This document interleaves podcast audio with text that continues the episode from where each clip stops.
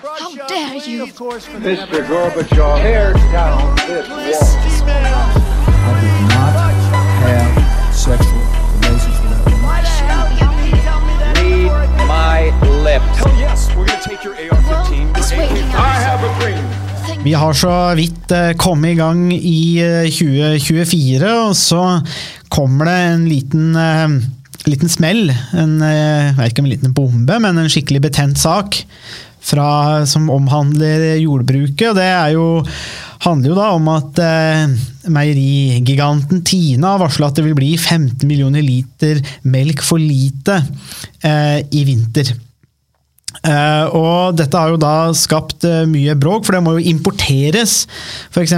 mjølkepulver til uh, diverse produkter, så man har fått problemer med disse Nyt Norge-produktene. og det har vært eh, bønder som har vist at de kan produsere mer, men at de har fått straff på over 80 000 eh, kroner. Eh, og dette er jo ganske vanskelig å sette seg inn i. Eh, Men det er like fullt eh, veldig interessant, og som lytterne over, som snart har vært med i sikkert snart 200 episoder, for vi begynner å nærme oss 200 episoder av statsvitenskap og sånt. Eh, Lytterne vil jo ha hørt at jeg har sagt tidligere at eh, jeg er gift med en Senterpartipolitiker, og det betyr at i husholdningen vår så har vi hatt en del diskusjoner, eh, ikke bare om EU, men vi har også diskusjoner om eh, jordbruk, landbruk, eh, og nå da dette som skjer med har skjedd da, med mjølkeproduksjon i landet. og Da er det bare én ting å gjøre, tenkte jeg, og det er å eh, ta kontakt igjen med, med en venn av podkasten, får vi si. Lederen i Norsk Bonde- og Småbrukarlag, Tor Jakob Solberg. Velkommen tilbake. Jo, tusen hjertelig takk. Det er jo, det, jeg, jeg tenkte på deg med en gang. Jeg sa til Harald nå må vi snakke med Tor Jakob for å virkelig grave litt i uh, materien her. At, uh, for det første så er det kanskje for oss utenforstående, for jeg er jo utenforstående, eh, litt vanskelig å forstå hvordan man kan havne i en sånn krise. Hvordan i alle dager er dette systemet fungerer. Og jeg tenkte, kan du ikke ja, bare ta oss litt inn i materien her. altså Hvordan i alle dager ender man opp, man opp i en sånn situasjon? ja, det er jo eh, en interessant situasjon og en trist situasjon i og for seg. fordi at eh, det som en tenker da, det er jo at norsk jordbruk bør i hvert fall levere på de varene som vi har toppforutsetninger for å levere på. Og så er det sånn at eh, selve mangelen på mjølk i seg sjøl, det er 1% av produksjonen. Så i, i, å si at det liksom er en megakrise i seg sjøl, det, det, er kanskje å blåse det litt ut av proporsjoner. Det Mm. som egentlig, sånn sett fra min side i hvert fall, da, er litt av krisen her, er en tillitskrise.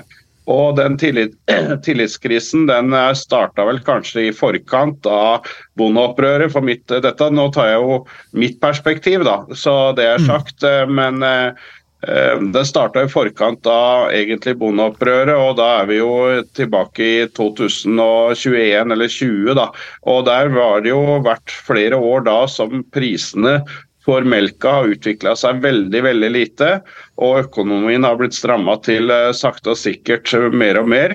Og så er det jo også sånn at det førte jo til at det ble et bondeopprør. 30, nei, 300 ordførere og 60 000 folk skrev under krav om endringer i vilkårene for matproduksjon. Og særlig Senterparti-ordførerne og ikke minst Vedum gjorde seg høye og mørke og lova høyt og tydelig i valgkampen at dette skal vi levere.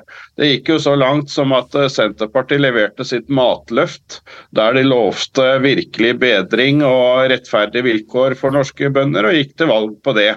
Det vi har sett i, i ettertid, da, det er jo det at på landsmøtet i Senterpartiet, men også i Arbeiderpartiet, da, så har det jo vært ønske fra lokallag om at det skal være at de forplikter seg tid når norske bønder skal komme opp på nivå med andre. For det, det er egentlig det dette handler om. at hvis du i politikken, da, hvis du kan lokke inntektsgapet eh, mellom bønder og andre grupper med én krone så har du i året, så har du liksom fulgt opp den da, ved at du kan ikke bli tatt på at du har ødelagt noe. Mens eh, her sånn så sa de jo at de skulle tette gapet på fire til seks år, og den ble faktisk fjerna fra programmene. altså Den ble stemt ut. og Det viser jo på en måte det da, at eh, grasrota i partiene ønsker eh, noe annet enn det flertallet har vilt binde seg til. Og så er det jo sånn at Siden bondeopprør og 2021 så har det jo skjedd enorme sikkerhetspolitiske endringer. altså at Det er ikke vits i å begynne å nevne opp dem, alle vet hva som har skjedd. Men det som er helt sikkert, er jo at eh, verdens matvareforsyning og matsystemer er jo blitt veldig viktige. og Vi så jo det også under koronaen i og for seg, med stengte grenser og, og helt andre muligheter for å flytte varer. Mm. Vi har varsla om at det har vært altfor grunnleggende både feil beregning av bondens inntekt, men også feil i bruk av systemene da, eh, for å produsere rett mengde. Og her sånn så har vi jo varsla at eh, nå så er økonomien i melkeproduksjon så lav at folk vil slutte å respondere på at vi får beskjed om å produsere mer for melkekvotene. Det er faktisk et veldig fint system, veldig bra og enkelt å forstå. Det er enkelt på den måten at hver produsent har en melkekvote som er fra 30 000 liter opp til 900 000 liter, som begrenser hvor mye du får lov til å produsere til full pris. Denne overproduksjonsavgiften den trår jo i kraft når du passerer den grensa du har lov til å produsere. Og så har det jo blitt liberalisert, da, sånn at du kan kjøpe og selge melkekvoter. og De senere åra har jo melkekvotene for noen år siden i hvert fall økt en del i pris. Sånn at noen har jo blitt rike og andre har blitt fattige på dette. her, og Så har det vært, også blitt åpna et marked for leie. og Det er jo egentlig det som er eh, den veldige ironien her. Da, at veldig mange bønder nå må leie kvote til evig tid nærmest, som de ikke får kjøpt av avdanka bønder som har gitt seg. da, Men det er en annen diskusjon. Men denne melkekvoten og det folk reagerer på med den overproduksjonsavgiften, det, det, er jo lett å forstå at når du leverer en vare du ikke får betalt for, så oppleves det veldig urettferdig. Men det er jo på en måte selve gjerdet som gjerder inne produksjon, at vi skal produsere den mengden som Tine eh, eh, som markedsregulator ønsker. For hvis vi ikke hadde en overproduksjonsavgift, da, eller hvis den var mye mindre, så ville du egentlig ende opp i en situasjon der folk produserte maks hvis det var lønnsomhet. Og da ville jo egentlig kvotesystemet kollapse. Så sånn sett så Det som burde vært gjort i fjor, da, det var jo sannsynligvis å øke opp øke produksjon, altså øke noe vi kaller forhåndstallet, som er eh, i praksis justering av kvotene. Det kan gjøres flere ganger i året, og det er jo da Bondelaget og også i Norsk Bonde- og Småbrukarlag og staten som blir enige om hva det skal være være, da, men ofte etter råd fra markedsregulator Tine. Da. Mm. Så det er et, uh, egentlig et veldig bra system. Eh, underskuddet på mjølk er bare på 1% så det er, liksom, det er ikke en krise. Det er ganske godt gjort å ikke bomme mer på en måte, men det som er den store saken her, er det at melkebøndene slutter å respondere. Sånn at nå har vi øka forhåndstallet, men bøndene responderer ikke fordi at det ikke lønner seg å produsere. Og det er det som egentlig er vil jeg si, beviset på at økonomien har blitt for skakkjørt. Da, for da, da, begynner det ganske fort å gå nedover da, når uh, du blir likegyldig på å produsere. Og, og, Det er det vi har sett, at veldig mye av overføring, eller mye av økonomien har blitt bygd på mer og mer tilskudd og mindre og mindre betalt for å produsere. og Da får vi sånne konsekvenser. da. Mm. Det er, jo, eh, ja, det er jo interessant å høre litt om, eh, om systemet der. Det minner meg jo litt om da jeg var i, eh, var i, Italia med en god kamerat som produserer Prosecco, og som også organiserer et laug. Hvor de også måtte prøve å styre produsentene av druene, slik at ikke de overproduserte. Fordi Prosecco-druene solgte vel for 1,20 euro eller 1,30 euro, mens andre druer da solgte for sånn 40 cent eh, i kiloen, så det var liksom eh, litt det samme der. Men da er det så, så, det ikke Så, det vi måtte ser i, i mediene med, med, på en måte denne mjølkekrisa, det vil du si det er ikke, det er ikke så stor krise, egentlig? Krisa ligger et annet sted? Da. Er det det du sier, at dette er mer et symptom på et system som ikke, som ikke fungerer, eller fungerer systemet, det er bare at de bomma? Eh, nei, jeg kan godt eh, Systemet i seg sjøl fungerer eh, til en viss grad ikke optimalt, fordi at det er for lav lønnsomhet til å produsere melk. og da Det som har vært staten og, og faglagets verktøy ved å justere det forhåndstallet opp eller ned, eh, det virker ikke pga. at økonomien er for dårlig. Så Det er liksom den første erkjennelsen.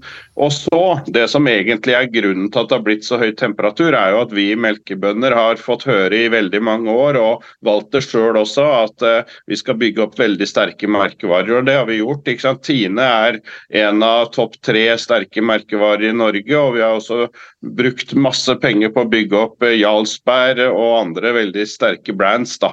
Og Vi får hele tida høre at det er så viktig. Og så er jo Nyt Norge er jo også et viktig merke, og at det skal være tillit, og at forbrukeren, når den tenker Tine eller tenker Nyt Norge, så skal den liksom ikke tenke om det er norsk, den skal vite det. Og Det er jo her egentlig moroa begynner, da, fordi at eh, det som skjer da når, eh, når, Tine mangler melk, det er at de kan gjøre flere ting. De kan øke forhåndstallet enda mer for å prøve å få inn mer. Eh, det har de ikke gjort foreløpig. Jeg tror de kommer til å gjøre det. Eh, og så har de prøvd å vri litt på økonomien med at vi skal få litt mer penger litt tidligere i år for melka enn det vi har gjort før, men det er et nullsumspill, så det er bare å flytte penger litt. Og det, det gjennomskues ganske fort. Det som gjorde at dette eksploderte hos melkebøndene, det er vel i og for seg at Tine har valgt å ikke være så tydelig. Så, altså Mange opplever Tine som ikke veldig tydelig på bondens økonomiske krise. Tine har eh, heller sagt at ja, det er greit nok og hatt et helt annet fokus, så vil mange melkebønder si. Sikkert ikke alle, men mange vil si at eh, Tine har jo selvfølgelig, Tine Industrier har jo melk som en kostnad, så de, her er det jo litt motstridende interesser. og Mange melkebønder vil si at eh, de har stilt eh, tillitsfullt opp og lytta til Tine.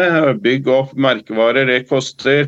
Eh, vi må tenke langsiktig. og Det er den tilliten som blei ble brutt så til de grader når de da ikke er tydelig på at økonomien må opp, da, hvis, i hvert fall hvis det går ett og to år tilbake i tid. Og I tillegg så får du også en situasjon der, der de da i stedet for å, å øke kvotene ytterligere og, og, være tydelig, bare importerer. Og de importerer ikke tørrmøyspull fra Sverige, som kanskje hadde kanskje vært litt dyrere. De går til Tyskland, som har kanskje en enda dårligere Eh, standard på medisinbruk f.eks. enn det vi har i Norge. Eh, jeg sier ikke at det er forferdelig, jeg sier bare at eh, vi som har bygd opp dette, vi føler på en måte at den jobben og de inntektene som vi har utsatt å få da, for å bygge opp en merkevare, at det ikke er verdsatt når det kommer til stykket. da. Eh, for eh, jeg tror 99,9% av norske melkebønder mener at står det Tine på det, så skal det være norskt. Punktum. Og så er det jo diskusjon, da. Eh, for da når Tine Tine har nok vært klar over at de kom til å komme i underskudd en ganske god tid. Da snakker vi fra i høst, helt sikkert. Eh, men søknaden til eh, Norsk Mat, eh, Nyt Norge, den kommer jo ikke da før rett før jul. Og Begrunnelsen for at de søker dispensasjon, det er jo det at de mener at de ikke får tak i emballasje, får gjort om emballasjen sin.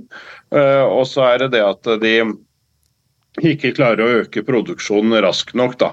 Og, og det, det, også er vel en del som har ment at det er jo litt merkelig at en av Norges største eh, emballasjekjøpere ikke får tak i ny emballasje eh, på nyåret. Eh, mest sannsynlig så, så, er det da noen som vil si at eh, her har de kanskje ikke prøvd hardt nok. da.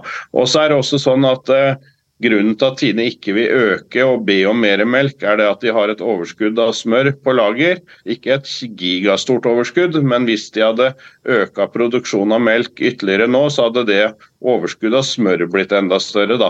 Og da er det regler som sier hvor du først skal kutte i produksjon, og drikkemelk og sånn er det første som eh, skal prioriteres i butikkene, mens tørrmelkspulver er liksom det første en skal justere på. Da. Så, så sånn sett så er det jo i og for seg de har fulgt sannsynligvis prosedyrene. Det som er diskusjon, er jo om, om, det var virkelig sånn at Tine ikke fikk tak i emballasje. Er det helt sant, vil noen si. Jeg, jeg, vil ikke ta noe stilling til det, men jeg registrerer at uh, mange er opptatt av det. da. Kan du også si litt om eh, situasjonen for egg, hvor det også har vært en del diskusjon om eh, underskudd eh, den siste, siste tiden. Hva er situasjonen for, eh, for eggproduksjon akkurat nå? Ja, Egg er jo egentlig et veldig interessant tema, fordi at uh, vi spiser jo mye egg i Norge. Og, og norske forbrukere har vært villige til å, og betaler ganske bra for norske egg eh, i butikk, mens eh, bøndenes pris har i og for seg ikke hatt den samme sterke utviklingen. Altså En kan registrere at kjedene tar over og kjører egne merkevarer. Sånn som Coop tror jeg du bare får kjøpt kjedenes egne merkevarer, og egg er en kategori som har økt mye i pris i butikk, men bondene bonden ikke har fått så mye. Men det har vært overproduksjon også av egg i ganske mange år, men i forkant av dette. og Derfor så har det vært ønske fra jordbruket om å få til en dobbel om, eh, omsetningsavgift for nye produsenter, for å hindre at enda flere bygger eh, hønehus, eh, rett og slett. Eh, det har Senterpartiet var høye og mørke og sa at dette Eh, når det var forrige regjering, så latterliggjorde den forrige regjering med Pollestad i spissen og sa at dette er jo helt elendig at ikke dere tar tak i, men når de sjøl er i regjering, da er det vondt og vanskelig, da. Men dette er et tiltak som absolutt kunne hjelpe næringa til å produsere rett mengde, for det er jo det det handler om. At vi ønsker jo ikke disse kjøttberga. Det er jo ikke noen som taper mer på det enn bonden, men, eh, men en trenger også verktøy for å regulere markedet. Og så må man huske på at det skjer endringer også rundt oss. og i forhold til eggmarkedet da, så er det sånn at eh, i Norge så er maks antall høner en normal produsent kan ha, 7500 høner. Sverige har kjørt et helt annet regime. så Den største eggprodusenten i Sverige med 1,1 millioner høner har fått et så massivt salmonellautbrudd at de ikke har klart å slå det ned, altså få kontroll på det. Og Ut fra den informasjonen jeg får fra mine svenske kontakter, så, så vil de ikke klare å opprette den produksjonen som var før kanskje langt utpå høsten. I tillegg så er det fugleinfluensa flere steder i Europa, og, og dette fører til at eggmarkedet har eh, egentlig fått et enormt internasjonalt underskudd. Og så er det en del norske næringsmiddelbedrifter som importerer eggpulver vanligvis, som plutselig da finner ut at vi vil heller bruke norsk, også pga. kronekursen. Og det har gjort at etterspørselen etter norske egg har jo blitt uh, mye større, når de uh, som normalt sett importerer eh, utenlandsk eggpulver til norsk næringsmiddelindustri, vil ha norske egg. Og da har vi fått denne såkalte eggkrisa. og så er, blir det jo liksom latterliggjort at Nortura har kjøpt ut produksjonskapasitet og sånn, men jeg mener Nortura kanskje burde heller ha, eh, ha gått tilbake på, på det utkjøpet og sagt at kanskje kan dere starte opp litt før f.eks. At det kunne vært et grep, muligens. Men, men i det store og hele så syns jeg Nortura har faktisk prøvd å gjøre jobben sin, men pga. at det bl.a. i Sverige og mange andre land har vært massive sykdomsutbrudd som er ute vår kontroll, så, så, blir vi på en måte straffa av det. og Det, det syns jeg er litt sånn når du ser retorikken fra enkelte partier da, på hvor idiotisk dette systemet er, så burde de i hvert fall sette seg inn i hvor problemet er skapt. Da. For Hadde vi hatt et konstant norsk marked, så hadde ikke dette vært et problem i hele tatt. Så Det er pga. ytre forhold, og særlig i Sverige, med et industrialisert jordbruk som ikke ha kontroll på sykdomsbildet. og Det er jo det vi bruker som gode argumenter for norsk produksjon nå. At eh, vi har mange små produsenter som gjør at vi har en mer robust produksjon i Norge enn andre land. Så, så jeg tror egentlig på eggsida så, så, skal i hvert fall ikke folk eh, tenke at det er norske bønder sin skyld. Da kunne de heller seg inn i at, det er, eh, at svenskene har ikke kontroll på sin produksjon. da. Mm. Ja, det er jo jeg det er tilbake til noe som du nevnte i stad. sånn, fordi det, det, er jo åpenbart her at det er jo, det er jo, det er jo fryktelig mye som, som skjer. Eh, og, og, det er jo ganske komplekse systemer og mekanismer her, egentlig, når du begynner å legge ut på en måte både hvordan det ting fungerer på en måte med mjølk, men også, eh, også med egg. og jeg vil enig med at Det gjelder sikkert en del ting når det kommer til frukt og grønt. og eh, osv. Så, videre, og så, videre. så det er, jo, det er jo eh, en del komplekse mekanismer her. Men eh, du nevnte noe i stad, for det var egentlig det som noe av det som jeg syns er mest interessant, da, i hvert fall når jeg kommer utafra og ikke kan så mye om det, og ikke hvordan de mekanismene og sånn fungerer, så, jo- så får jeg alltid I hvert fall noe som jeg tenker på, da, er på måte Er dette her altså, er dette, det beste, er dette den beste måten vi kan organisere norsk eh, landbruk på? Fordi at vi, Så får vi disse jordbruksoppgjørene, ikke sant? Eh, og i år, eller de siste har jo vært liksom, kjempe altså, gode, altså historisk sett svært gode, men som du har vært inne på, så henger da fortsatt da bonden etter. Eh, og de pengene skal jo hentes fra et sted, og det må jo omprioriteres. Og, og så nevnte du noe i stad om dette med inntjening versus tilskudd. altså At man har blitt litt, eh, litt for kanskje forbuden til dette med tilskudd og ikke inntjeningsmuligheter. og jeg tenkte Vi skal jo inn i en, i en, da, en stor liksom, kompleks diskusjon om hvordan vi kan rigge det her, og er det beste måten å rigge det på. Men kan vi starte bare der med hva du mente med dette med det du sa i stad, med inntjening og, og tilskudd? At man har blitt litt for avhengig av tilskudd? Ja, vi er jo i hvert fall, altså Norsk jordbruk har jo en god del volumproduksjon som absolutt helt greit bør klare å hente inntektene sine i markedet. Og Det er jo typisk eh, svin, kalkun og kylling er jo eksempler på det. Og Det er ikke på noen måte må tolkes at det er negativt til de produksjonene, det er bare at det, de mest intensive produksjonene bør i norsk målestokk hente en god del av inntektene sine i markedet. Og så var det jo sånn, Hvis en følger med litt på det regjeringen sa i starten av sin regjeringsperiode, så sa han da at to tredjedeler skulle hentes i markedet. Og Den brøken er veldig interessant, for den går akkurat opp i opp med matmomsen. Sånn at eh, det er et selvfinansierende system for regjeringa. Så hvis du henter to tredjedeler i markedet, så koster ikke det å øke bondens eh, inntekter noe for regjeringa. Da er det forbrukeren som tar hele regninga i praksis. Mens eh, det de har ligget på nå, så har de vel kanskje vært på nesten sånn eh, en femtedel, altså 20% i markedet og resten i, i over overføringer. og det, det er jo en måte å løse det på. altså Bakgrunnen har jo vært en hysterisk eh, frykt for, eh, for økte priser. og det, det, klarer jeg å forstå at regjeringa ønsker å få kontroll på inflasjon. Det som en ser, da, det er det at jeg mener at det å fokusere på at matprisene skal holdes så nede. Vi er et land som bruker 11% av inntekta vår på mat. Vi kjøper Den mest solgte dagligvaren er brus. Den nest mest solgte dagligvaren er godteri. Vi kaster mat for 20 milliarder i året. Sånn at for de fleste i Norge så er mat sett i forhold til våre europeiske venner helt akseptabelt i forhold til kjøpekrafta. Så kan en godt mene at det er dyrt, en kan godt mene at en får billigere franske oster i Frankrike. eller Det er ikke egentlig det det handler om, det er norsk kjøpekraft i forhold til hva du får for pengene dine. Og Bare over til de baltiske landene så er jo de oppe i over 20% av inntekta på mat, har jeg sett. sånn at det er jo, Du skal ikke dra så veldig langt før det er en helt annen situasjon. Det som er verdt å merke seg, det er jo i og for seg det at jeg mener, og, og mange har advart meg mot å si det, men jeg mener det fortsatt, og mer enn noen gang. altså Norsk mat er ikke dyr, han er altfor billig. Det som er Problemet er at vi har en mislykka fordelingspolitikk, der de rike i samfunnet blir rikere og de fattigere blir fattigere, og en har en uærlighet i lønnsoppgjørene da, gjennom denne prosentoppgjøret, eller forventning til oppgjør, da, som, som jeg snakka om tidligere i podkast, men som jeg blir mer og mer sikker på at det faktisk stemmer. Og, og det er jo der egentlig hunden er begravet. At uh, kjøpekrafta for de fattige i samfunnet, som uh, bruker uh, mye på helt grunnleggende behov som bolig og strøm og, og transport, for dem så har jo dette blitt veldig tøft. Men for den øvre tredjedelen i samfunnet så er dette fullt håndterbart. Sånn at Det er kanskje dem som skriker mest, da, ofte.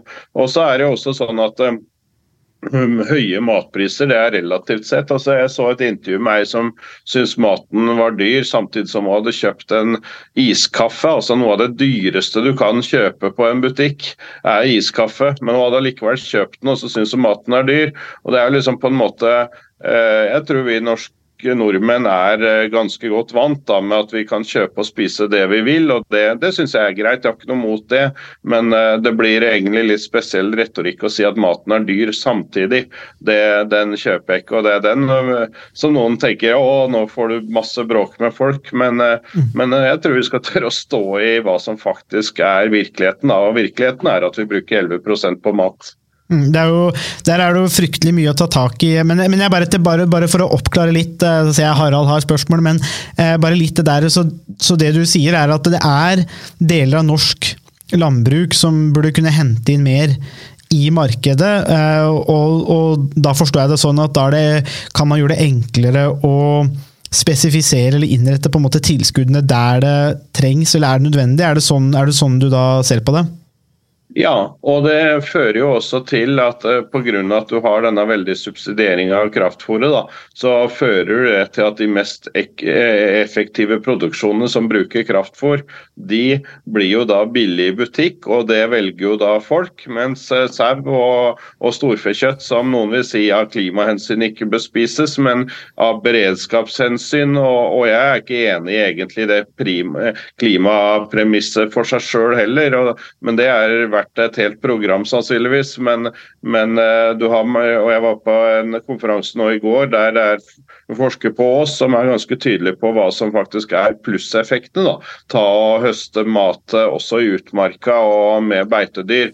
Så altså, Dette er et stort tema, men det vi egentlig fører til, da, det er at vi subsidierer det billigste kjøttet, som har den største veksten, og som kjedene har ganske stor kontroll på. Den subsidierer vi masse, og så ender vi opp med masse sau og storfe på lager som ikke så mange vil kjøpe før bøndene prisdumper det ned i latterlig lave priser. Og der sitter kjedene nå bare og venter på at datostemplinga går ut på disse kjøttpartiene for å grabbe det til seg for en meget lav pris som den norske bonde faktisk må ta for at vi har vært så dumme og produsert for mye. Så Det er min versjon av det, men det var sikkert litt forenkla. Men, eh, men det oppleves veldig urettferdig da, per nå. Mm. Jeg synes, uh, for å begynne eh, med klima. eh, Jeg er helt enig med Tor Jakob når det gjelder klimaargumentene og aspektet ved, ved Storfjøla. men det kunne vært spennende å ha en podkast om det mm. senere, etter at uh, melka har kommet tilbake og egga er i butikken igjen. Men uh, det, det som, noe av det som jeg syns er litt interessant i den situasjonen man, uh, man er i nå, er jo også det hvordan uh, prisene internasjonalt og prisene i Norge til melkeprodusenter og også andre, andre produsenter i, i landbruket begynner å nærme hverandre, begynner å nærme seg, eh, seg litt. Eh, tradisjonelt så har jo Danmark hatt et veldig effektivt eh, landbruk og en svært effektiv eh, melkeproduksjon og ganske mye lavere melkepriser til produsentene enn det man har hatt i, i Norge. Men hvis man ser på noen av oversiktene nå over de siste, siste årene, så ser man at forskjellen i, pris er mye mindre. Og det har også litt med at norsk krone er, kronekursen er ganske svak. så norsk melk har på en måte blitt mer konkurransedyktig eh, i, forhold til, i forhold til import, og det gjelder jo også en del andre eh, produkter som landbruket produserer. Eh, så, så jeg syns det er interessant å se at man nå i dag eh, har priser som ikke nødvendigvis er identiske, men som er mye mer sammenlignbare eh, enn det man har sett, eh, sett tidligere. Og det,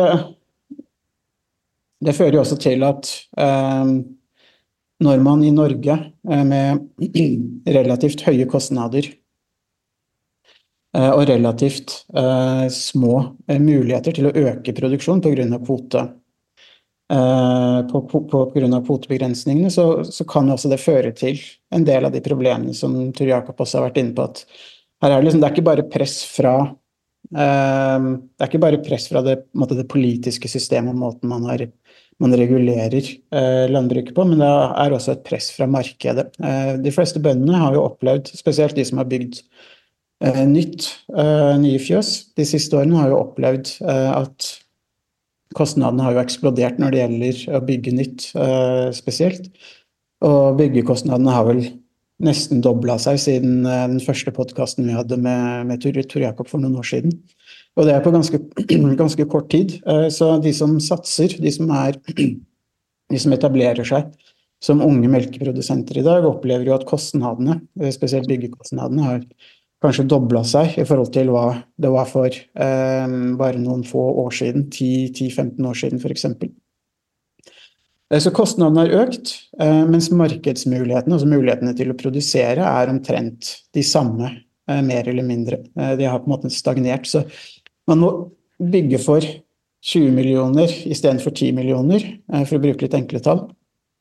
Og så må man produsere omtrent den samme mengden som for ti år siden. Og det, det skaper uten tvil eh, en del eh, problemer. Og når da prisene i tillegg eh, er mer eller mindre sammenlignbare med eh, prisene i eh, Danmark, som er et av de mest effektive landbruksprodusentene i, i hele Europa, så, så, er det noe tvil om at uh, det her skaper en ganske vanskelig situasjon for, uh, for mange produsenter. Uh, hvor man egentlig må klare seg med de samme inntektene som man gjorde for ti år siden, men å betjene et lån som kanskje er dobbelt, dobbelt så stort. Og det er Noe av det som jeg syns er litt utfordrende med eh, situasjonen som landbruket er i, er nå, er at de som er unge og satser, de må på egen hånd ta en veldig stor eh, risiko. Eh, og eh, kostnadene i forhold til da jeg var eh, fruktprodusent, er jo også, for fruktproduksjon, er jo mangedobla på enkelte, enkelte, områder. Eh, det er en helt annen situasjon enn eh, da jeg drev bare for tre-fire år siden. Så det er på en måte det landbruket vi snakker om i dag, er ikke det samme landbruket som vi snakker om for, for fem, eh, fem, bare fem år siden. Jeg tenker det er, det er noe som er en viktig bakgrunn, eller som er viktig for å forstå bakgrunnen Eh, til hvorfor man er i den, eh, den situasjonen eh, man er i nå også. Og det, er, det, var egentlig en ganske lang innledning til det som var spørsmålet til Sondre om på en måte det her er den beste måten å organisere landbruket på. Og der er kanskje Tor Jakob og jeg litt, litt uenige. Det som på en måte er mitt, som undrer meg litt, og som undrer meg ganske lenge mens jeg var bonde selv også, er hvordan man har valgt å holde fast ved et system i, nå i nærmere 70 år. Eh, helt fra rett etter andre verdenskrig og frem til i dag. Som, som fokuserer veldig mye på eh, reguleringer. Eh, og som mange kaller en slags eh, planøkonomi, selv om det er en litt uh, unøyaktig beskrivelse i, i beste fall. men hvor det er ganske klare, veldig tydelige inngrep og Det som overrasker meg litt, er liksom hvor sterkt de aller fleste i landbruket har tviholdt på den modellen, som ikke har klart å skape en god økonomi for produsentene. Og Det har også gjort at jeg, jeg har jo tenkt at man kanskje bør finne andre løsninger eh, på, del, på, deler av, eller på hvordan man skal organisere eh, landbruket. Eh, framover. Eh, at den, den, modellen man har hatt, kanskje har vist seg å være um, Den var kanskje relativt dyr for samfunnet sin del, men nå er, uh, andelen som blir brukt over statsbudsjettet på landbruket, ganske liten. Den er vel er litt forkjøla og litt uh, febersyk i dag, så jeg skal ikke være for uh, med tall, men ca. en prosent kanskje, eller under det, er vel det som blir bevilga over statsbudsjettet. Så det er en ganske ganske liten del, og den har jo vært synkende helt ifra i og for seg fra 1950, da man begynte med, med det systemet her. Så det som har vært et, et, dyrt system tidligere, kanskje, eller i hvert fall dyrere, har jo i dag blitt mye billigere over statsbudsjettet, og det koster jo hver nordmann relativt, relativt lite. Men samtidig har man bevart en del av de reguleringene som f.eks. et kvotesystem og begrensninger på hvor mange høner, hvor mange kyllinger hver enkelt produsent kan, kan, kan, ha også. Så det som er litt Det som, det som undrer meg litt, og som det kunne vært interessant å få en kommentar på fra Tor Jakob, er det her virkelig det beste systemet når det ikke over 70 år engang har skapt den lønnsomheten for produsentene, for bøndene, som man så for seg at de skulle? Liksom, er, det, er, det, realistisk i det hele tatt å tenke at man under noen som helst eh, praktiske og realistiske omstendigheter kan klare å skape en tilfredsstillende produksjon hos f.eks. melkeprodusentene? Ja, nei, Det er et uh, godt spørsmål. og For å starte helt på hva er det optimale systemet, da, så vil jeg jo si at Sponheim var jo ganske frimodig, og han hadde jo et forslag eh, i Stortinget som vakte stor latter, og som blir ofte dratt fram med dette uttrykket 'hver mann sin høne'. Og Det er jo klart at det, det er jo et alternativ at hver person, eh, hvis en skal tenke alternative systemer, da, at hver person organiserer seg på sin egen måte, da, eh, eller i fellesskap. Da. Det som det vil føre til, er jo veldig sannsynlig eh, en veldig industrialisert produksjon eller en stor import, da, eh, der det vil sitte fariseere underveis eh, og høste så mye som mulig. og Anders Nordstad blogg er jo ganske interessant å følge, og han har jo dokumentert jeg si, ganske ettertrykkelig at eh, det er ikke råvareprisene i Norge som danner matprisene, men kjøpekrafta. da, og Der han sammenligner bl.a. matvarer som vi eh, kan kjøpe tollfritt i Norge, sånn som bananer, da, er vel dobbelt så dyrt i Norge som i Danmark. Eh, så, så kan det hende at det er litt større etterspørsel etter bananer, for vi har mer apekatter i Norge, de kaller vi oss fjellaper. så det, det er kanskje en forklaring der, men litt tilbake i et seriøst spor, da, så, eh, så har jeg jo til Jeg utfordra tidligere landbruksminister Jon Georg Dale om man kunne komme med noen eh, suksesshistorier fra det liberale internasjonale markedet som var bedre enn det norske. Og Det kom man aldri opp med. og Grunnen til det er jo det at det fører jo til stordrift. Og så kan en si at eh, Matpriser er én ting, da, men eh, nå ser vi jo bl.a. dette med hva som har skjedd da, med egg i Sverige. At du har en gård med 1,1 millioner høner som vips har fått ødelagt hele produksjonen sin fordi at de driver da i en sånn superstor skala. da. Eh, Så, så hvis du på en måte for, tenker at matsikkerhet ikke er eh, et viktig tema, så, så er jo sikkert eh, mulig å gjøre det på en billigere måte enn i Norge. Men jeg mener at det norske forbrukere får gjennom at vi produserer over hele landet, ringvirkningene av det, ringvirkningene for næringsliv, turisme, eh, folkehelse gjennom at vi bruker ekstremt lite antibiotika. En del sånne ting er jo ikke satt tall på, eh, og det burde det jo i og for seg vært da når en diskuterer hva som er verdt mye eller lite. Og så står det vel i verdens mest leste bok eh, at en dag skal en kagge duemøkk bli mer verdt enn en neve gull. Og det sier jo bare det at det er ingen vare i verden som har så evne til å få ekstrem verdi som mat hvis det blir manko på det. Sånn at dette visste de da de skrev Bibelen, og det er vel faktisk enkelte flyktninger i Norge som sannsynligvis også vil underskrive på at det er realiteten. Og så lever vi i et industrielt eh, samfunn med overskudd på det meste, og da er det jo på en måte vanskelig å se for seg manko på ting. Eh, men eh, men jeg tror jo i og for seg at eh, jeg er ikke en forkjemper for dagens system, jeg er en forkjemper for et utvikla system. For det er sånn som særlig dette som vi er opptatt av med produksjonsregulering, det vil jo kanskje gjøre at du vil ha litt høyere priser da enn eh, hvis du gikk over til et helt uregulert marked eh, og helt fritt fram eh, i starten. Men jeg tror hvis du hadde tatt et gjennomsnitt over kanskje 30 år, da, så ville det Jeg er ikke sikkert at du hadde kommet ut så mye dårligere hvis du hadde lagt inn en helseeffekt, lagt inn en verdiskapningseffekt, en beredskapseffekt. Og, og, og når vi vet dagligvarekjempene tar det de vil ha for varene likevel, da, så, så, tror jeg faktisk eh, det er jo et av de viktigste jeg vil si, klimatiltakene også, at vi produserer rett mengde mat og ikke overproduserer. Og så er det sånn at når det er endringer og skiftinger i markedet, så det, kommer egentlig ofte det ikke forbrukeren til gode. Det kommer alle mellomledd som enten øker prisen ekstra mye, eller så svingninger i markedet er egentlig ikke forbrukerens beste venn. Eh, dagens system er jo også transparent med det at vi ikke har lov til å sette en høyere pris enn det vi eh, er enige med staten om i det store og hele. Da. og Nå er det jo færre og færre målpriser, men i det store og hele så kan en si at norske bønder kunne jo profittert på koronaen, det gjorde vi ikke.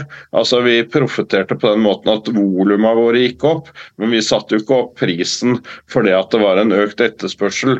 Og Det er jo noe som ikke har vært kommunisert så mye, men som den norske forbruker da får igjen på at en ikke får den prisveksten som vi kunne ha tatt ut. Men det også må jo være et bytteforhold. At når vi ikke tar ut en markedsprofitt som vi kunne ha tatt ut, så må vi også ha sikkerhetsnett for at eh, når det går andre veien. Da. Så den samfunnskontrakten, da, eh, den mener jeg at det er mer verdt for samfunnet enn noen gang.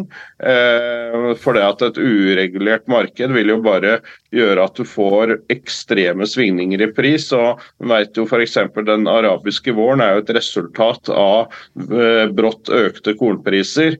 Og så kan du godt si at ja, det ville ikke skjedd her, men vi så jo hva som skjedde når eh, vi fikk korona. altså Folk hamstra dopapir og ble helt gærne. sånn at eh, Å tro at vi vil opptre ekstremt annerledes enn andre mennesker i verden når det blir manko på noe, det vil jeg si er naivt. da. Mm. Jeg, vil, jeg vil bare legge til at eh, USA har jo også hatt en eggkrise nå um, for ikke så lenge siden, hvor prisene på egg økte veldig mye. Så det er jo et, det er jo ikke sånn at uh, det her er uh, Den situasjonen vi har i Norge, er unik uh, for Norge. Det er, jo, det er jo ting som kan skje også selv i de, de landene som har kanskje det aller mest industrialiserte landbruket, som, som USA er et, et eksempel på. Mm. for det, det som Altså, jeg det, det, som, det, som, fortsatt undrer meg litt, er jo hvordan man skal få uh, så hvis, hvis, vi tenker på, på, produsentene, bøndene først, uh, på en måte holder de andre leddene og forbrukerne uh, utenom sånn i første, første, omgang, så det, det, som jeg fortsatt er usikker på, er jo hvordan den modellen til Tor Jakob kan skape den lønnsomheten som bøndene er avhengig av. og det Tor Jakob uttrykker, eller uttrykte tidlig i podkasten, er jo også den frustrasjonen som en del produsenter opplever, og at de ikke måte, responderer lenger på uh, de gulrøttene som samvirket uh, kaster ut, for, fordi at det ikke lønner seg uh, å, å, produsere. Eh, og både melk og egg er jo produksjoner som, eh, som tar, tar, litt tid å bygge opp. Det er jo ikke sånn at man kan eh, sette inn hønene helt uten videre, eller bare hente eh, kuer som kan begynne å, å, å melke dagen etterpå. Eh, men, men det, det, det, jeg fortsatt lurer på, er egentlig hvordan er det man skal, skal skape lønnsomhet for produsentene når kostnadene øker og markedsmulighetene er i beste fall omtrent stabile. Man snakker jo om en økning av melkeproduksjon på mellom 1 og 2% eller noe sånt for å eh, komme ut av den, den såkalte eh, melkekrisen som man er, eh, er, inne i nå. Ja, eh, det er eh, Vi har jo Det som kanskje kjennetegner Norsk Bonde- og Småbrukarlag, er at vi er veldig faglige, vil jeg si. Altså vi, vi bruker veldig store ressurser på å bygge opp en faglig og mat, eh, altså evnen til å regne på disse tingene her. Og vi har et tall nå på 3 kroner og 12 øre. Det er det som skal til i økt melkeøkonomi per liter produsert melk for at alle bønder i Norge skal ha det helt ålreit. Da har vi avkastning på egenkapitalen og vi har en inntekt som ligger på linje med andre i samfunnet. Så da må melkeøkonomien opp tre kroner. Og vi har uh, tenkt at eh, f.eks. hvis pris til bonde går opp én krone, du får uh, noe inntekter fra økte kjøttpriser sannsynligvis. Vi mener at kjøtt per nå er en for billig vare, selv om mange opplever den dyr. Så i forhold til hvor mye ressurser som går med, så er kjøtt for billig. Så vi mener at kjøtt må opp i pris og det vil bidra til litt økonomi. Og så f.eks. én krone mer i overføringer. Da. Så det er ikke så komplisert heller. Eh, det som eh, er komplisert, er at vi også har en WTO-avtale som begrenser hvor mye vi kan støtte det norske jordbruket, og med direkte produksjonsstøtte så er det et tak på 11,4 milliarder. Og det er i 1993-kroner og blir ikke indeksregulert. Så vår evne til å på en måte støtte produksjon av norske varer direkte, blir mindre og mindre år for år. Og Så kan vi jo diskutere hvor lenge vi vet at O-systemet fungerer. Jeg tror ikke det vil fungere særlig mye lenger enn at den da USA bestemmer seg for at dette ikke løser deres problemer, så er WTO-systemet ikke fungerende. Og det du så Donald Trump var jo faktisk interessert i å kanskje rokke ved V2-systemet. En ting som er ganske paradoks oppi her, da, det er det at EU eh, kommer nå sannsynligvis med et nytt direktiv for hvor lang holdbarhet egg har. Og i Norge, da, pga. at vi har så ting på stell eh, og har ikke salmonella og har veldig god produksjon, så er jo norske egg holdbare veldig, veldig lenge sammenlignet med andre land. Og nå så blir vi kanskje påtvunget det direktivet, da. Så det kan vi godt følge litt med på hvis dere er hyggelig å invitere meg en gang videre. Hvordan har det gått med den saken? For det tenker jeg er en ganske interessant sak. da, der Mm. Norske eggbønder produserer de reneste og beste eggene i verden, men må eh, konkurransemessig ta kostnader i norsk produksjon. Jeg tror jeg har hørt et tall på rundt 60 millioner i året, fordi at EU ikke har kontroll på sin produksjon på samme måte. Og, og EU skal jo stå for fri flyt av kapital og, og, arbeidskraft over landegrensene, men her føles det jo ikke som vi konkurrerer på like vilkår. Da. Så det oppleves jo veldig urettferdig å måtte ta regninga for at EU ikke har ting på stell. da. Eh, så det er jo litt interessant der. Ellers så ser en jo i og for seg det at eh, Eh, jeg tror det er viktig med altså Vi har laga en opptrappingsplan eh, for hva som trengs for å få opp norsk selvforsyning. og Der har vi kommet fram til 20,6 milliarder er det som trengs da, for at norske bønder skal ha økonomisk konsumevne som andre i samfunnet. Det som er kampen nå utover våren, da, for å dra opp litt hva som skal skje framover, det er jo det at Senterpartiet og regjeringa har lova en opptrappingsplan. Den kommer nok helt sikkert. Det som eh, vi ser, det er jo det at eh, det er nå en veldig kamp om hva rett eh, tallgrunnlag, altså hva rett avkastning for jordbruk. Vi har jo bestilt Menon til å mene noe om det, og Menon de sier at som sektor så bør jordbruk ligge på rundt 8,5 over tid for å klare å opprettholde sin produksjonskapasitet. og Det er ca. på linje med annet næringsliv i Norge. Ehm, og Det det handler om, det er også det at eh, sånn som systemet har vært, så har vi hatt en oppskrivningseffekt av kapitalen vår hvert år. Fordi at eh, når et par gummistøvler er utslitt, så er de litt dyrere å kjøpe enn det forrige par var. Og da må du ha en oppskrivning av avskrivningsgrunnlaget, for ellers så må du lånefinansiere egentlig slitasjen din. Eh, og den har vi mista. Så det også er en veldig viktig ting. Hvordan vil regjeringa forstå dette? Og mange vil jo si at dette er gresk og veldig komplisert. og det har jeg forståelse for at vanlig mann i gata setter seg ikke inn i dette, men det er egentlig en enkel ligning som bestemmer om norsk jordbruk skal øke eller svekke sin posisjon framover. Og det siste det er timetallet. Et årsverk i jordbruket er 1845 timer, 95 timer mer enn alle andre nordmenn.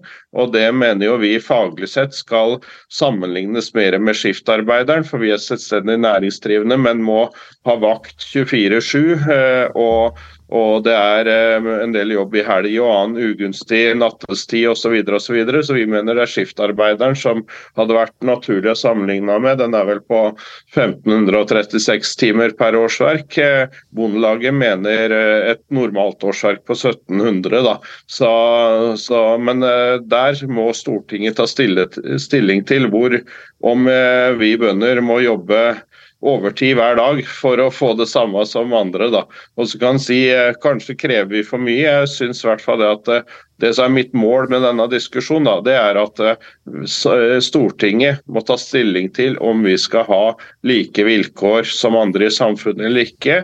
Hvis vi får det, er det fint. Hvis vi ikke får det, så vil jo det skape en ny situasjon der norske bønder på en måte sannsynligvis må eh, legge opp det, og samfunnet må legge opp noen nye mål da, for hva disse bøndene skal bidra med. og hva, eh, hva så egentlig Mitt hovedmål er jo å skape en ny situasjon der eh, Harald og mange andre som mener noe om matproduksjon, må være med å definere hvordan skal vi løse matproduksjon som sektor i framtida. En, en, ny deal. Eh, og den kan være på en eller andre måten, men hvis den ikke oppnår den tilliten, og særlig nå som vi har Vi er jo en del av en hovedavtale, sånn at det er jo ikke sånn at staten er frikjent alt ansvaret her. Det er jo en hovedavtale med både rettigheter og plikter.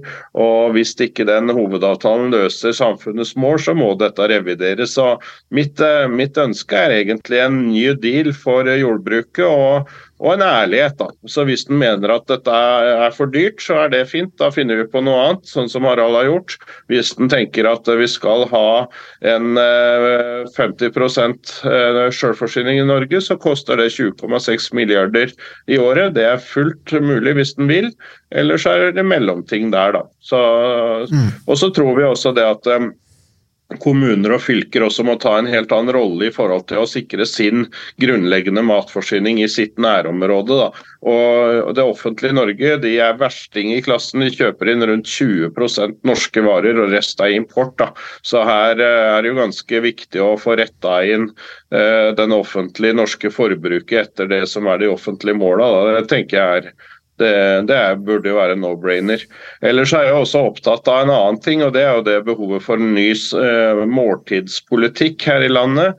Uh, vi spiser rundt samme bord, så er slagordet mitt. Og det å satse på uh, en vesentlig satsing på felles måltider i skoler og andre sammenhenger, det tror jeg er viktig både for å få ned matkastinga, men ikke minst også bygge tillit og fellesskap i det norske samfunnet. Mm. Jeg er helt, helt enig med Tor Jakob uh, noe av det siste han sa om uh, manglende måte, ærlighet i en del av de debattene som foregår rundt landbruket. Det som, det som også egentlig har provosert meg litt, både som bonde, men også i, um, i etterkant, er jo hvordan myndighetene spesielt, jeg tror omtrent samtlige eh, landbruksministre som, som, jeg kan huske omtrent, har jo vært veldig opptatt av å promotere landbruk og på en måte få unge til å satse. Uh, og det er jo i og for seg et godt, uh, et, et godt uh, en god ting, men problemet er at noen av de forutsetningene som man ber unge bønder satse under i dag, de er ofte litt i overkant luftige og optimistiske. og man, Mange tenker at ja, det går, går seg sikkert til. og Ofte så går det seg til, men problemet er at det jo, kan også ha en del menneskelige kostnader, hvor mange unge bønder må jobbe ekstremt mye. Ikke bare på sin egen gård, men også utenom. Det har det også vært noen saker om de, eh, både de siste ukene, men også de siste, siste årene, uh, hvor man ser at de, Det er jo ganske stor forskjell uh, mellom det mange opplever, og det bildet de måtte, får, litt rosenrøde bildet av hvordan det er å satse. og Eh, politikerne sier at nå skal vi trappe opp osv. Eh, men i praksis så ser man eh, at det ikke blir noen opptrapping som vil monne i i, i, i noe, særlig stor grad. Og det er litt det som på en måte, man kan si at En av forskjellene mellom Tor Jakob og meg er jo at jeg kanskje er desillusjonert eh, i større grad enn eh, en Tor Jakob. Jeg tenker at gitt de signalene som har kommet, hvor man blir lovt nesten eh, bokstavelig eh, gull og grønne skoger, eh, de har aldri materialisert seg. Og da er tenker jeg at da må også næringa ta det inn over seg og tenke at man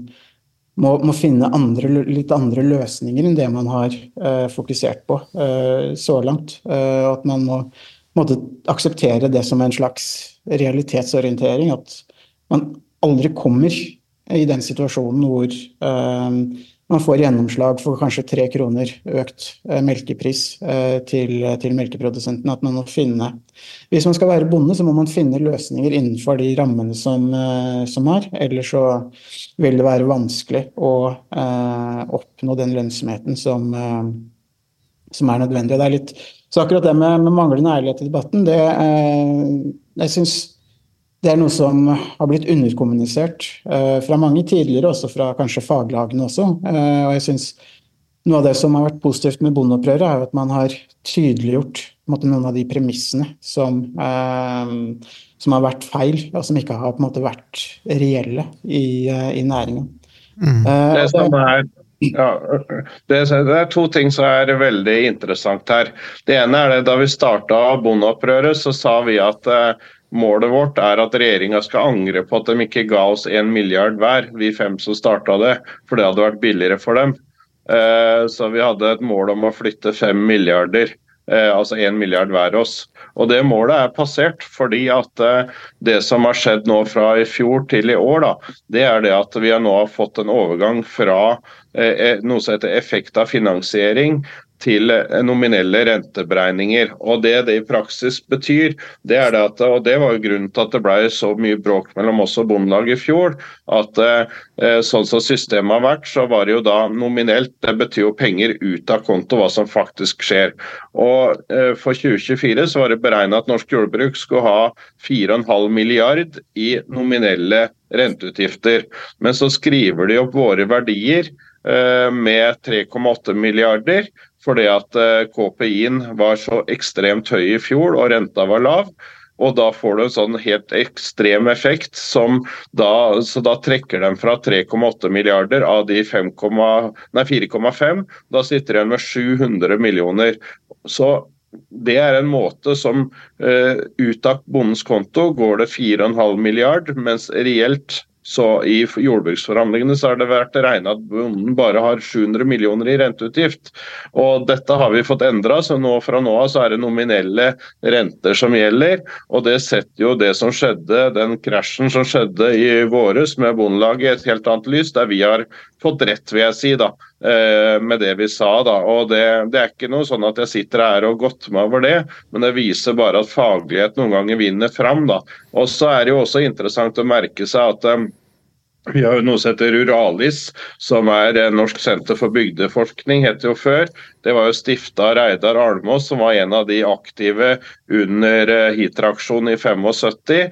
Han var vel da langt ute på ytterste venstre side. AKP-ML eh, er det noen som mener at den var. Det har vært mye meninger om dette her, men det som er interessant er at det har gått en ganske heftig diskusjon da, mellom folk i Norsk Bonde- og Småbrukarlag og Ruralis om tallgrunnlag og beregninger. Da, der det er en, en forsker som heter Klaus Mittensvei, som er de som følger med i jordbruket, kjenner til det navnet der.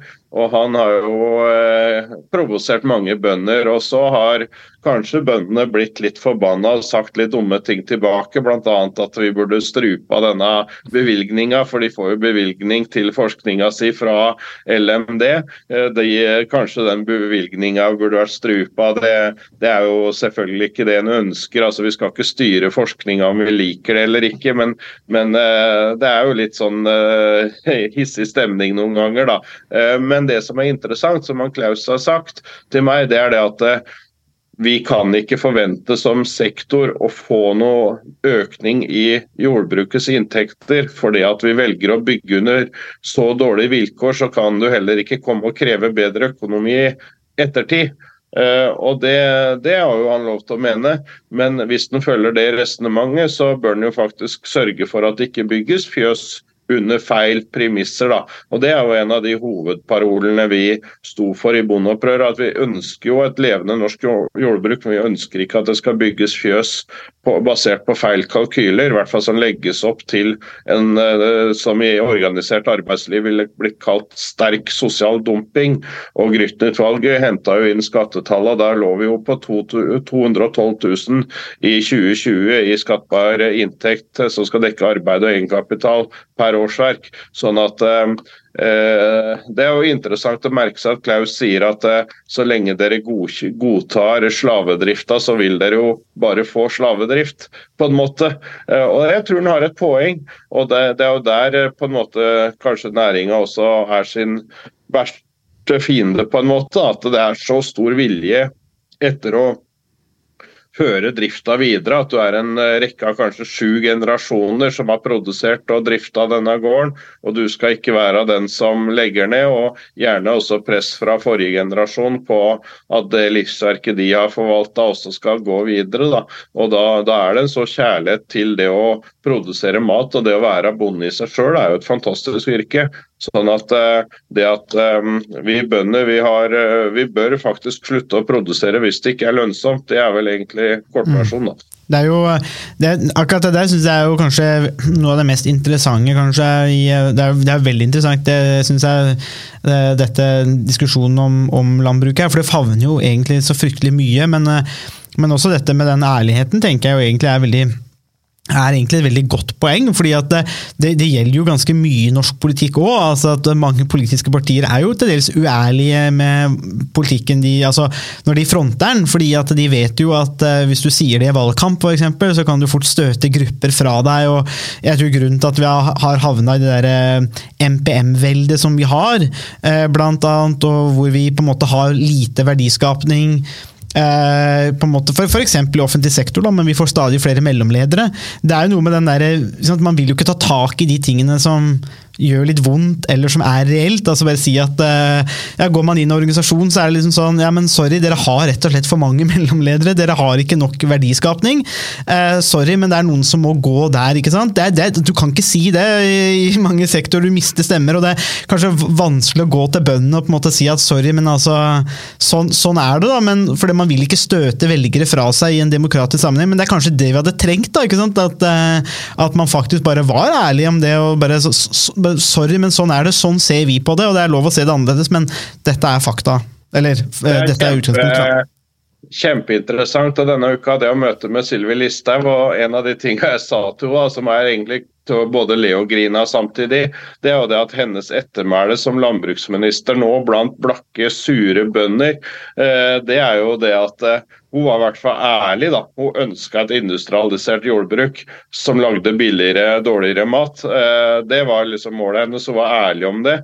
Så det er jo liksom egentlig komisk da, hvordan hun ved å ta et ekstremt upopulært standpunkt i, i, eh, Hennes ettermæle var i hvert fall at hun snakka sant. Så det tenker jeg er en litt sånn oppsummering på nerve her. Og så er min eh, store visjon det er jo det å skape da den store samfunnsdiskusjonen som er enda større enn matproduksjon, der en legger opp til en ærlighet rundt hva norske forskjeller og lønnsoppgjør faktisk gjør med samfunnet vårt. Og, og, Der eh, kan det jo også bli sterke krefter som vil føle seg krenka til at jeg sier det at dette er et system for økte forskjeller på en sminka måte, der alle står og gjemmer seg bak at eh, vi har holdt oss innafor ramma på 5,2% og vi er så solidariske og fine mennesker, mens eh, kjøpekrafta vår, som er i kroner, fyker alle veier når det gjelder forskjellene forskjellen i landet her. Da. Så, så det er jo mitt store, store mål. å klare å løfte den viktige diskusjonen. og det, det, er ikke sikkert det vil føre til eh, likhet, men det, mitt, eh, min drøm er at det skal føre til en ærlighet. Da. At hvis det er meninga at de som tjener 900 000 skal få 45 000 i lønnsøkning det året, kontra de som tjener 300 skal få 15 000-20 000.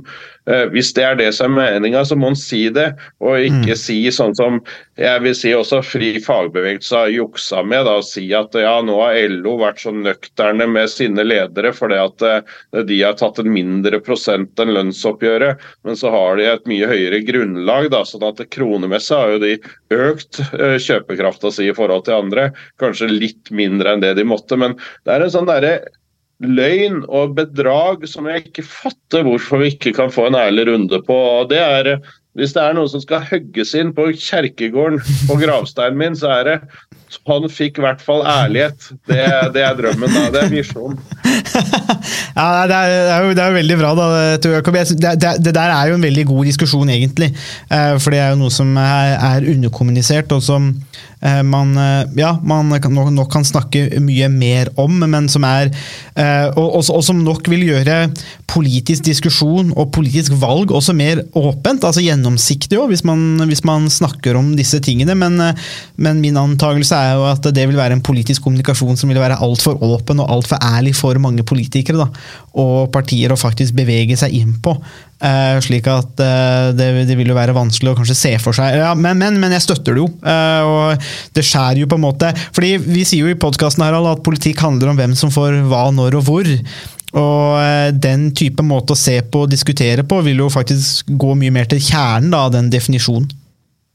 Ja, jeg tror det, absolutt det med ærlighet er et, et stort, en stor sak. Et stort og viktig spørsmål for ikke bare landbruket, men jeg er helt enig med Tor Jakob i, i, det spørsmålet at jeg tror hele Norge kunne hatt godt av en, både en realitetsorientering på en del områder og også en mye ærligere offentlig diskusjon. Man er altfor indirekte. og man man vil gjerne unngå konfrontasjon, men det er bedre at man sier det som det er, og det man egentlig tenker og mener, og så kan man ha en, eh, en åpen diskusjon rundt det. Og så kan, kan jo velgerne eh, til syvende og sist eventuelt eh, få mulighet til å bestemme også hvilken retning. Det gjør det også lettere å, å velge partier når man vet hva man, hva man får. Og det er også noe som, så mange velgere oppgir, at de syns det er liten forskjell, meningsfull forskjell mellom mellom mange av de politiske partiene i, i Norge. De lover uten at man egentlig helt vet hva de lover, og de,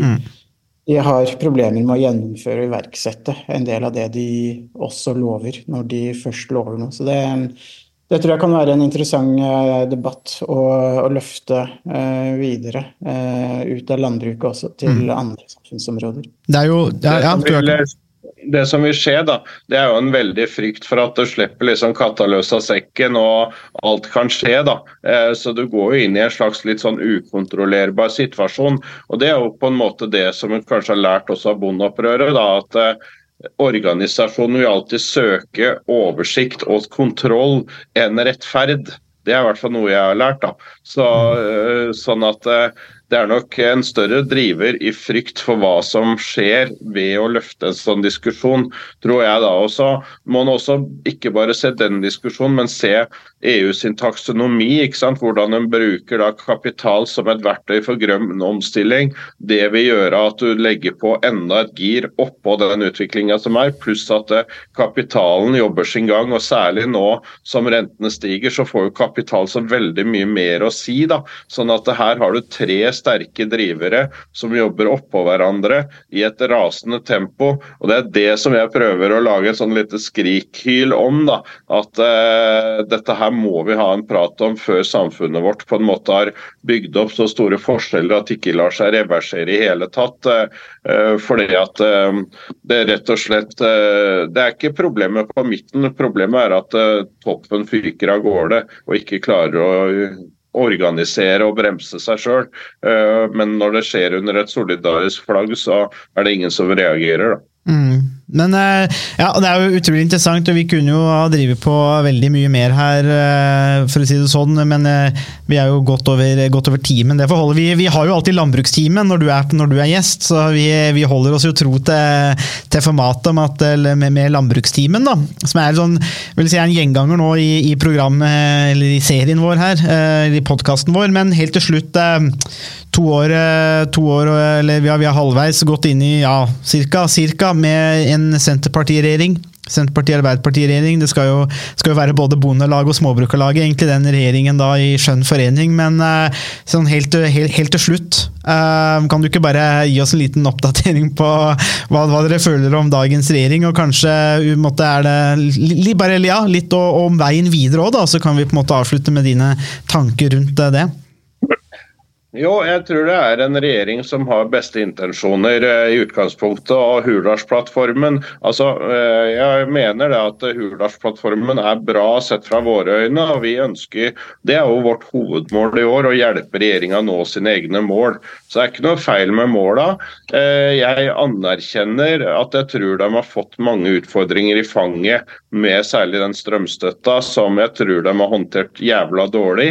Eh, Men det er lett å være etterpåklok. Men eh, jeg må si jeg, kanskje det som overraska meg mest med denne regjeringa, er hvordan de ikke har klart altså Senterpartiet har jo vært liksom partiet som hele tida kjempa imot disse kablene og hele tida nei til EØS og liksom hatt det som et eh, tydelig standpunkt. da. Men hvordan de har klart å ende opp som syndebukk oppi dette, det er jo bare elendig jobbing i forhold til eh, i hvert fall det å posisjonere seg. Men de har, har kanskje vært tro mot regjeringa eh, sin plan, og så har den planen kanskje vært eh, litt uheldig. da. Men her skal en være litt forsiktig. Jeg vil ikke være for streng med dem med det, men, men eh, det er klart at særlig disse prisvekstene og det at de, de putte på bremsa for å få kontroll over inflasjon er jo på mange måter helt sikkert riktig, men det føles veldig urettferdig for oss. Altså, så, eh, Størum kan nok, Støre kan nok sikkert leve med noen litt sure bønder, men problemet er når, når eh, temperaturen blir for høy. og nå Vår generalsekretær i NBS, Anton Langland, er jo med på de store traktordemonstrasjonene i Tyskland as we speak. Eh, og der, Det er jo det en ser, at i de ulike landene så er det jo på en måte bøndenes opprør nå som er tydelige. da, Både i Nederland med nitrogenkampen der, og i Tyskland nå med en dieselskatt. og så drar det til seg mange ulike fluer som svermer rundt den lampa, eh, på godt og vondt. Men eh, at det tydeligvis at det er en nerve i det ruale eh, i Europa, det tror jeg. Eh, Så får vi se hva utfallet av det blir. Men det er jo helt forskjellige kamper vi står i.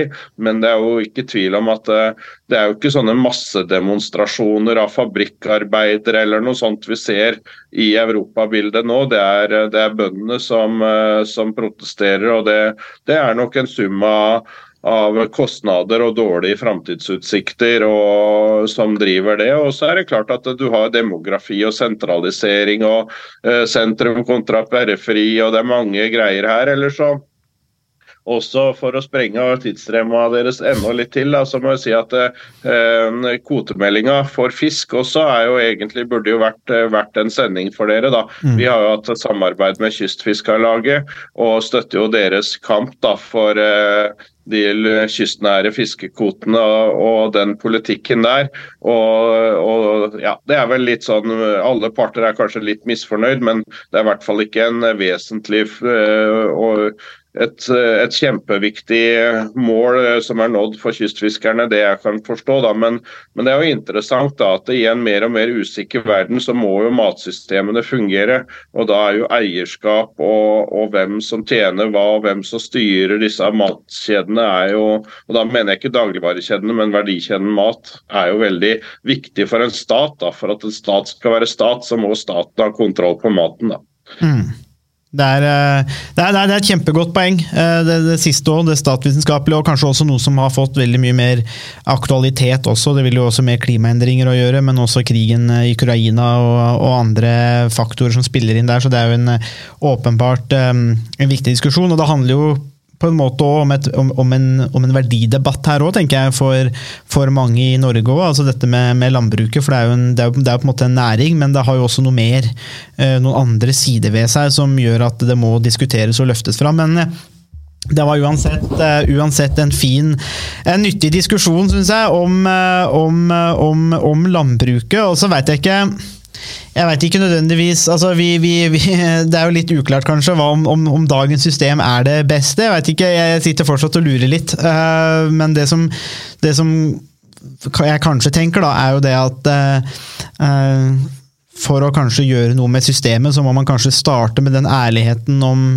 i bånn, eh, før man på en måte får gjort noe med de andre tingene, kanskje. Så det er jo, sånn sett så er det kanskje et godt sted å starte, da. At man, eh, ja, at man er litt mer ærlig om eh, preferanser og verdier, og hva man ønsker å legge i ting. eh, Og hva man ønsker med landbruk og for Norges del. Da. At det er et godt sted å starte, og så kan man forhandle seg og snakke seg fram derifra. Så, men, eh, og vi kommer nok til å ta du, kommer, du kommer nok tilbake, Tor Jakob, hvis du vil. Det er, jo, det er jo på våren, så braker du løs igjen med, med oppgjør, så da regner jeg med at vi eh, nok gjerne vil plukke opp denne hansken her igjen da med deg der, og høre hva du tenker da.